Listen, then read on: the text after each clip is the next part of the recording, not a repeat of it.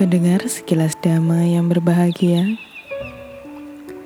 inilah delapan pikiran orang mulia. Rendah hati bukan tinggi hati, cukup hati bukan tak cukup hati, melepas bukan melekat, tekun bukan malas, yakin bukan bingung, hening bukan kalut, bijak bukan tak bijak Sederhana pemikirannya, bukan rumit pemikirannya. Demikian penggalan Anguttara Nikaya 8 ayat 30. Anuruddha Biku Mata Sakti Anuruddha adalah sepupu Sang Bagawa. Ketika kecil, Anuruddha pernah terus-menerus meminta kue kepada ibunya. Ibunya berkata, "Neti, neti," yang artinya habis. Tapi Anuruddha tak paham. Ibunya lalu menunjukkan mangkuk kosong untuk membuatnya paham. Tetapi para dewa mengisi mangkuk itu dengan banyak kue. Pada kehidupan lampau, Anuruddha pernah berderma kepada Paceka Buddha. Sebagai pahalanya, Anuruddha tidak pernah kekurangan apa pun. Ketika Anuruddha didesak sepupu Sang Bagawa Mahanama untuk menjadi biku, Anuruddha tidak mau. Mahanama terus mendesak.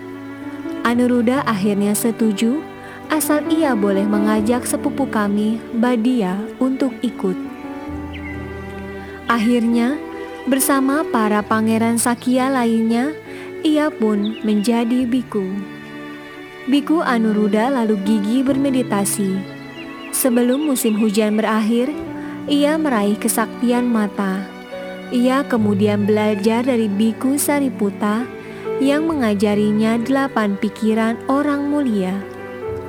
Sang Bagawa tahu, Biku Anuruddha tak mampu menembusi pikiran orang mulia yang kedelapan.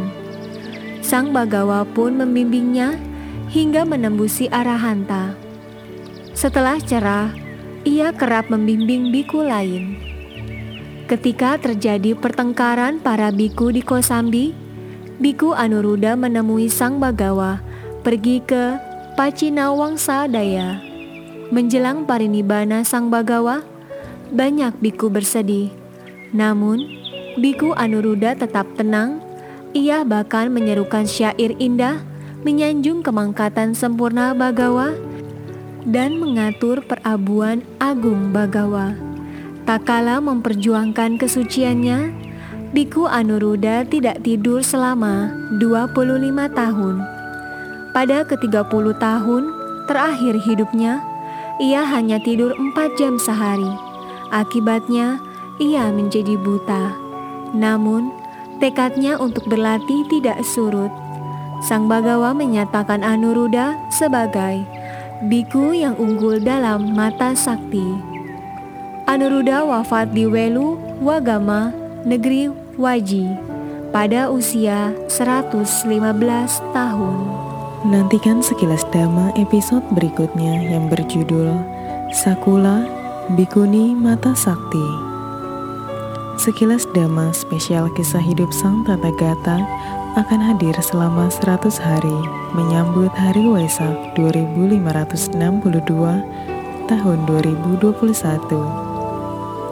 Sekilas Dhamma dapat didengarkan melalui Spotify dan channel YouTube Cetia Dhamma Dayada dengan kata kunci Sekilas Dhamma.